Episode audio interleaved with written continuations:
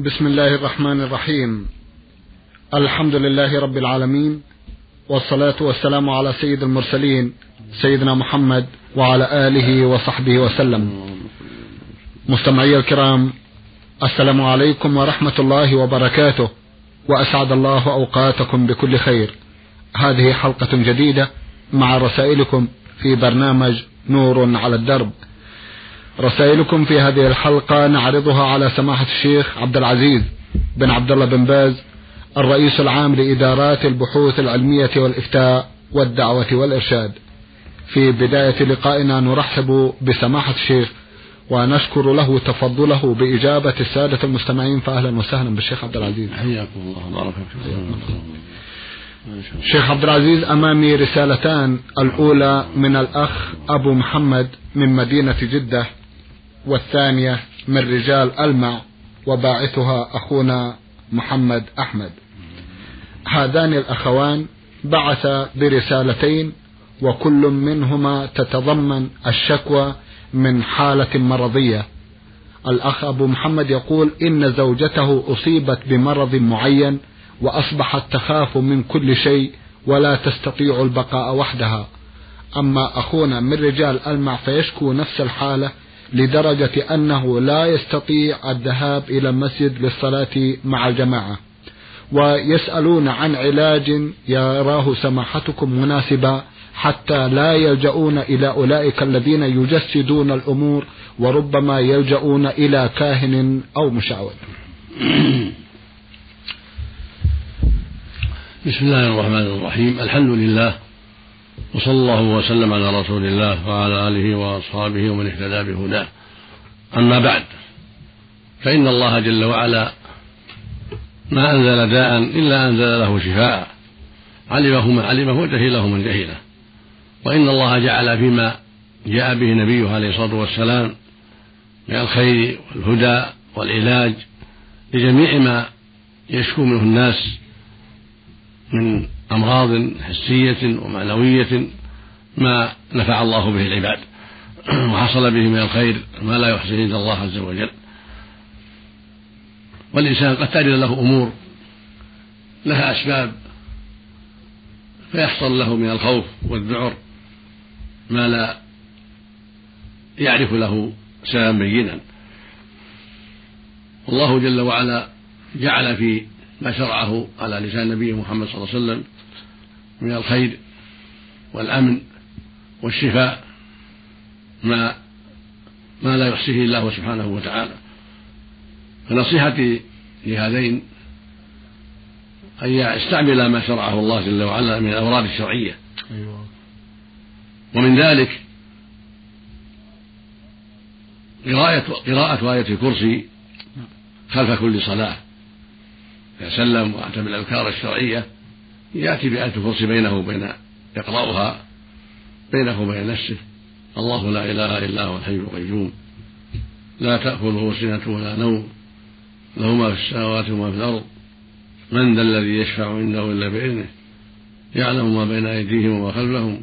ولا يحيطون بشيء من علمه إلا بما شاء.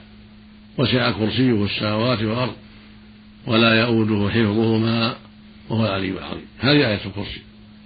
وهي أعظم آية في كتاب الله وأفضل آية في كتاب الله عز وجل لما اشتملت عليه من التوحيد العظيم والإخلاص لله وبيان عظمته سبحانه وتعالى وأنه الحي القيوم وأنه المالك لكل شيء وأنه لا يعجزه شيء سبحانه وتعالى فإذا قرأ هذه الآية خلف كل صلاة فهي من أسباب العافية والأمن من كل شر وهكذا قراءتها عند النوم. إذا قرأها عند النوم قد جاء في الحديث الصحيح أنه لا يزال عليه من الله حافظ ولا يقربه شيطان حتى يصبح فليقرأها عند النوم وليطمئن ولا يكون في قلبه شيء من الخوف أو الذعر بل يعمل يعلم أن ما قاله الرسول صلى الله عليه وسلم هو الحق وأنه الصدق الذي لا ريب فيه. ومما شرع الله أيضا لهذا المعنى أن يقرأ قل هو الله أحد المعوذتين خلف كل صلاة. فهي أيضا من أسباب العافية والأمن والشفاء من كل سوء. قل هو الله أحد تعرف ثلث القرآن ويقرأ قل أعوذ برب الله معها وقل أعوذ برب الناس معها. هذه السور الثلاث يقرأها بعد الظهر مرة بعد العصر مرة بعد العشاء مرة. أما بعد المغرب وبعد الفجر فثلاث مرات. بعد المغرب في أول الليل وبعد الفجر في أول النهار. يقرأ هذه السور ثلاث مرات كما جاء في ذلك الأحاديث عن رسول الله عليه الصلاة والسلام. فهي من أسباب العافية والأمن من كل سوء. ومما يحصل به أيضا الأمن والعافية والطمأنينة والسلامة من الشر كله أن يستعيذ بكلمات الله التامات من شر ما خلق. ثلاث مرات صباحا ومساء. أعوذ بكلمات الله التامات من شر ما خلق. فقد جاءت الأحاديث عن رسول الله صلى الله عليه وسلم دالة على أنها من أسباب العافية من كل سوء. أعوذ بكلمات الله التامات من شر ما خلق. ثلاث مرات صباحا وثلاث مرات مساء. وهكذا بسم الله الذي لا يضر مع اسمه شيء في الأرض ولا في السماء. وهو السميع ثلاث مرات صباحا ومساء. فهي أيضا من أسباب العافية من كل سوء. أخبر النبي صلى الله عليه وسلم أن من قالها ثلاثا لا تضره أي مصيبة وأي ضرر. بسم الله الذي لا يضر مع اسمه شيء في الأرض ولا في السماء وهو السميع العليم ثلاث مرات. فهذه الأذكار من القرآن ومما جاءت في السنة كلها من أسباب الحفظ والسلامة والأمن فينبغي المؤمن أن يأتي بها وما تيسر منها وهو على طمأنينة وثقة بربه وأنه سبحانه وتعالى القائم على كل شيء والمصرف في كل شيء وبيده التصرف والعطاء والمنع والضر والنفع هو القائم على كل شيء وهو المالك لكل شيء سبحانه وتعالى وهو القادر على كل شيء جل وعلا. ورسوله صلى الله عليه وسلم هو أصدق الناس. فهو لا ينطق عن الهوى. إن هو إلا وحي يوحى كما قال الله عز وجل والنجم إذا هوى ما ضل صاحبكم وما غوى. صاحبكم يعني محمد عليه الصلاة والسلام. خاطب الأمة. ما ضل صاحبكم يعني معشر أمة محمد وما غوى. الضال الجاهل. والغاوي الذي يعمل على خلاف العلم. فهو ليس بجاهل وليس بمخالف لما يعلم بل يعمل يعلم ويعمل عليه الصلاة والسلام. فهو مهتد وليس بضال فهو على هدى من ربه وهو مع ذلك عالم عامل. قد علمه الله من علمه ما شاء من الكتاب والسنة وهو عامل بما يعلم. ولهذا قال ما ضل صاحبكم وما غوى. بخلاف من أعرض عن علم فإنه ضال. كالنصارى وأشباههم من الجهلة. فإنهم ضالون. وهم أشباههم لكم في قوله ولا الضالين. هم النصارى وأشباههم من الجهلة المعرضين عن الحق. وبخلاف من علم ولم يعمل هذا يقال له غاوي. وهو المغضوب عليه وهم اليهود وأشباههم. عرفوا الحق ولكن عاندوا وكفروا ولم ينقادوا لما جاء به الرسول صلى الله عليه وسلم ولم يصدقوه عنادا وبغيا وإيثارا للدنيا على الآخرة والهوى على الهدى. فلهذا غضب الله عليهم. وصاروا من أرباب الغواية والضلالة والبعد عن الهدى. فهم ضالون لما عندهم من الجهالة والإعراض عن الحق. وهم مغضوب عليهم غاوون لكونهم عرفوا الحق الذي بعث الله به محمد عليه الصلاة والسلام فحادوا عنه وعاندوا استكبارا وبغيا وحسدا وإيثارا للدنيا على الآخرة. ولهذا جاء في الحديث الصحيح عن رسول الله صلى الله عليه وسلم في تفسير قوله تعالى غير المغضوب عليهم ولا الضالين قال في المغضوب عليهم اليهود وفي الضالين هم النصارى. يعني وأشباههم. وراد صلى الله عليه وسلم أن هؤلاء رأس بالضلال والغواية والغضب. ومثلهم من سار في سبيلهم وتخلق بأخلاقهم. كمن أعرض عن الهدى من أي صنف من الناس فهو ضال. ومن خالف العلم وتابع الهوى فهو الغاوي المغضوب عليه نسأل الله العافية. نعم.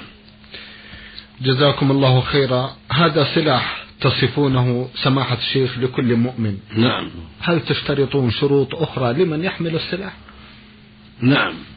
من أعظم الشروط الثقة بالله والتصديق برسوله صلى الله عليه وسلم وأن الله جل وعلا هو الذي يقول الحق. ورسوله يبلغ الحق وهو الصادق فيما يأتي فيما يقول عليه الصلاة والسلام. ومن الشروط أن يأتي بذلك عن إيمان وعن رغبة فيما عند الله وعن ثقة بالله وعن إيمان بأنه سبحانه مدبر الأمور ومصرف الأشياء وأنه قادر على كل شيء سبحانه وتعالى. لا عن شك ولا عن سوء ظن بل عن حسن ظن بالله وعن ثقة به سبحانه وعن تصديق لرسوله عليه الصلاة والسلام. وأنه متى تخلف المطلوب فلعلة من العلل تخلف المطلوب. العبد عليه يأتي بالأسباب والله مسبب الأسباب سبحانه وتعالى. وقد يحضر الدواء ويحصل الدواء ولكن لا يلزم الداء لأسباب أخرى جهلها العبد. ولله فيها الحكمة سبحانه وتعالى. وهذا يشمل الدواء الحسي والمعنوي الحسي الذي يقوم به الأطباء من شراب وأكل وإجراء عمليات وغير ذلك والمعنوي الذي يحصل بالدعاء وقراءة ونحو ذلك. كل هذا قد يتخلف المطلوب منه والمراد منه لأسباب كثيرة الله جل وعلا هو العالم بها سبحانه وتعالى وقد يعلم بعضها المخلوقون بسبب عدم يقينهم وعدم ثقتهم بما جاء به الرسول عليه الصلاة والسلام أو بأسباب أخرى حالت بين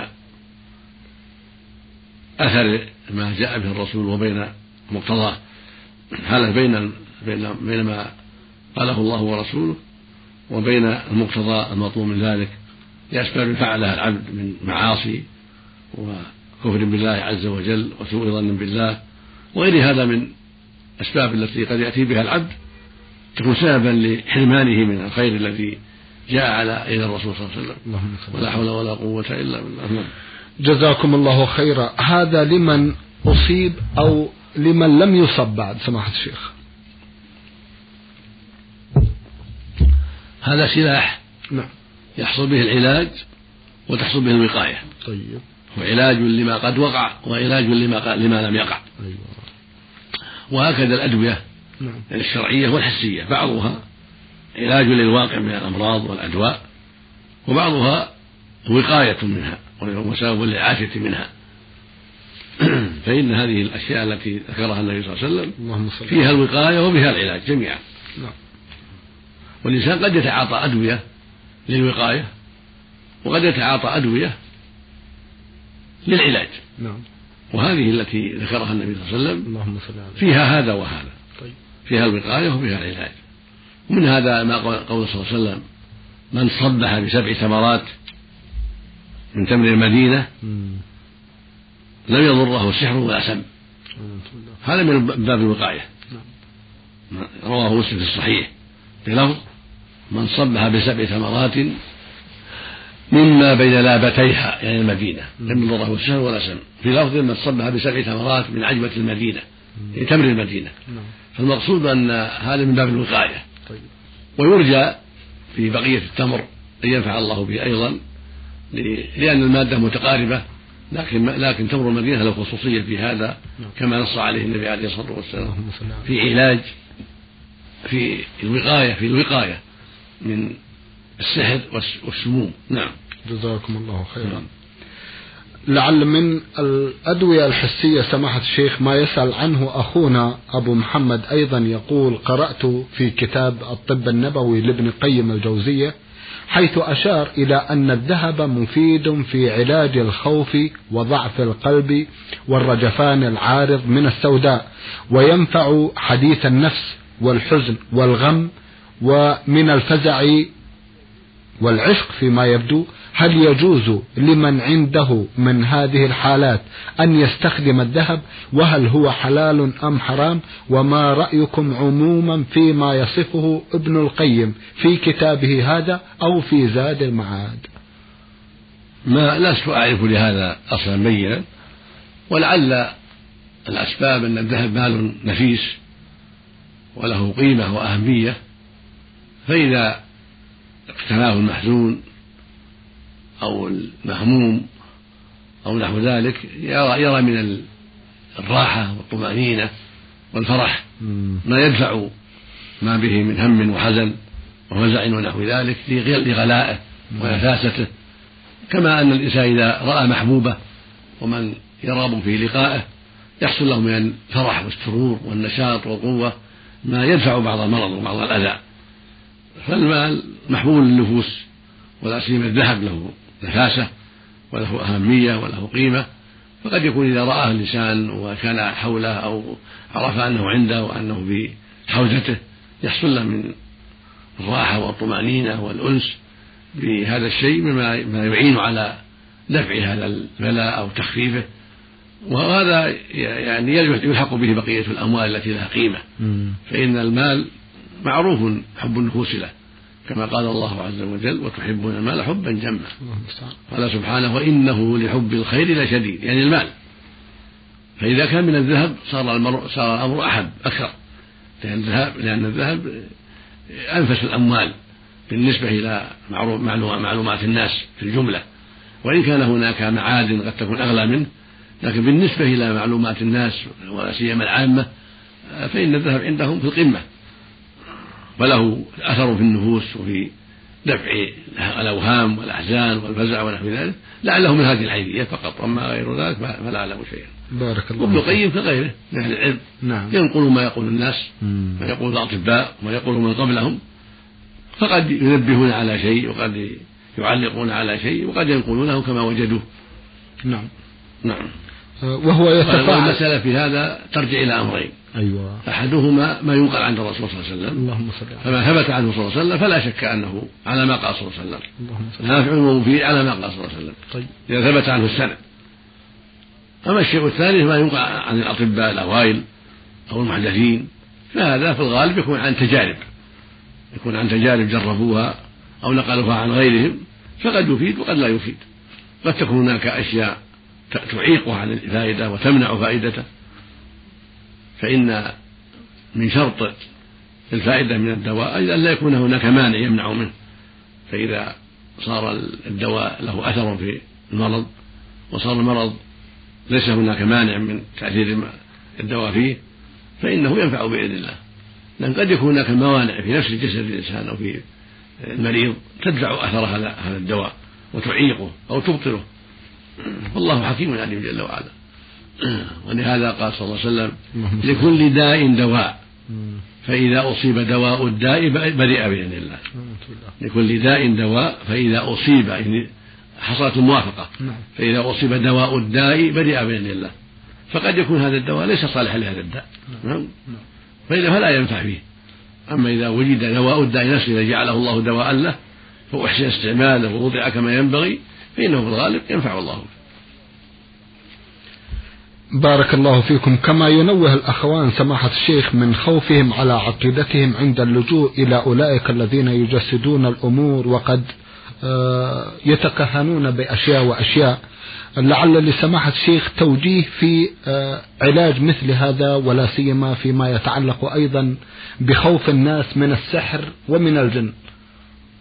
أما ما يتعلق بسؤال الكهنة والمنجمين والعرافين والرمالين وأشباههم من أصحاب الشعوذة نعم. ودعوى علم الغيب ودعوى أنهم يدركون أشياء وصل الجن ما أدركها غيرهم فهذا كله لا يجوز. والرسول صلى الله عليه وسلم نهى عن إتيانهم وعن سؤالهم. سئل عن الكهان عليه الصلاة والسلام قال إنهم ليسوا بشيء وقال لا تأتوهم. وقال عليه الصلاة والسلام من أتى عرافا فسأله عن شيء لم تقبل له صلاة أربعين يوما. خرجه الإمام مسلم في صحيحه من حديث بعض أزواج النبي عليه الصلاة والسلام. وفي لفظ من أتى كاهنا صدقه بما يقول فقد كفر بما أنزل على محمد صلى الله عليه وسلم. هذا يدل على أن هؤلاء لا يؤتون ولا يسألون ولا يصدقون لأن عمدتهم الخرص والتكهنات التي لا أساس لها أو الاعتماد على ما يقوله الجن وخرافات الجن وشياطينهم فلا ينبغي أن يعتمد عليهم. قد قال صلى الله عليه وسلم لما قيل له إن الكهان قد يصدقون قال إنهم يصدقون في كلمة ويكذب في مئة. وفي بعض الآخر في أكثر من مئة. وبين عليه الصلاة والسلام هذه الكلمة التي يصدقون فيها هي التي يسمعونها من السمع يسمعها مستريق السمع من السمع من الملائكة. فيكذب معها الكذب الكثير. في في إحدى الروايات فيكذب معها مئة كذبة. في لفظ آخر فيقذفون ويزيدون. في بعضها يكذبون أكثر من مئة كذبة. فيقال قد صدقوا في كذا وكذا فيصدقون بسبب تلك الكلمة التي سمعت من السماء. والناس من عادتهم الميل إلى الشعوذة وإلى كل ما يظنون أنه ينفع. فيتشبثون بكل شيء. والمريض يتشبث بكل شيء أيضا. فلهذا يصدقون الكهنة والمنجمين في كذبهم الكثير بأسباب أنهم قد صدقوا في واحدة أو نفعوا في واحدة أو اثنتين مثلا. وهذا كله من طبيعة البشر. الميل إلى من ظن أنه عنده أن عنده شيئا ولا سيما إذا كان قد عرف أنه نفع في ولو في واحدة. فيتعلق به ويصدقه في كل شيء ولا حول ولا قوة إلا بالله. نعم. جزاكم الله خيرا. فيما يتعلق بالجن أو السحر سماحة الشيخ السحر قد يقع قد يقع السحر من الناس. نعم. لا, لا شك فيه. وهو في الغالب يكون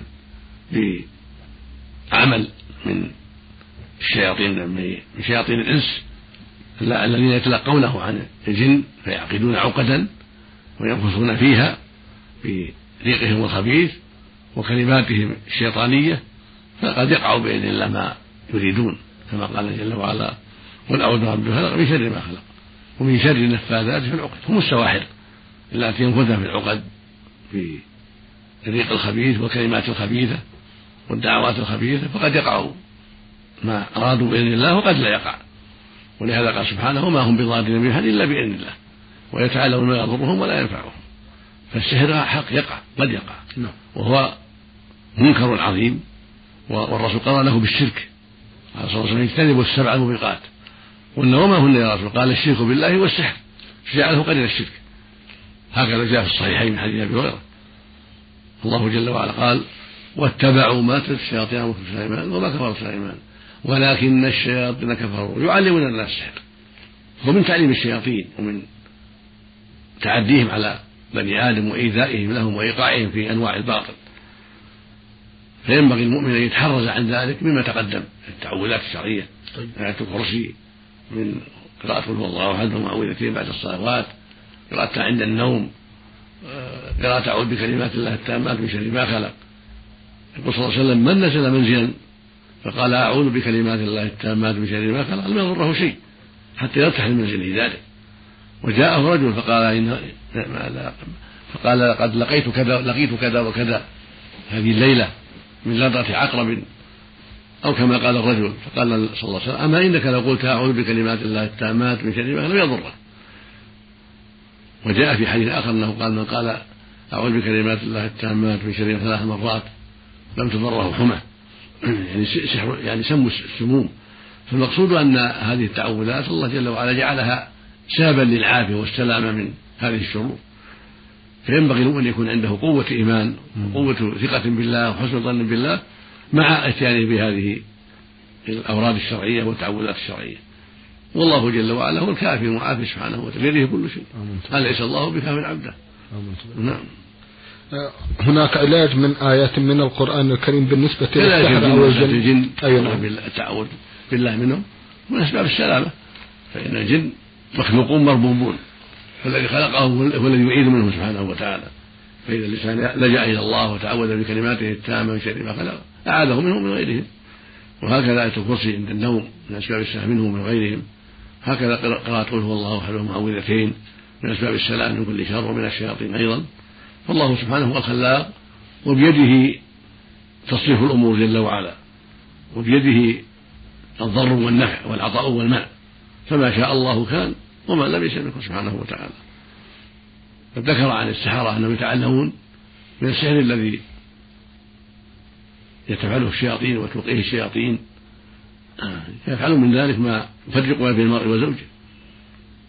يعني يفعلون أشياء تسبب كراهة الزوج لزوجته أو كراهتها له حتى يفرقها حتى يفارقها. ثم قال بعده وما هم بضارين بهم إلا بإذن الله. ويتعلمون ما يضرهم ولا ينفعهم. ولقد علموا لمن اشتراه ما له في الآخرة خلق.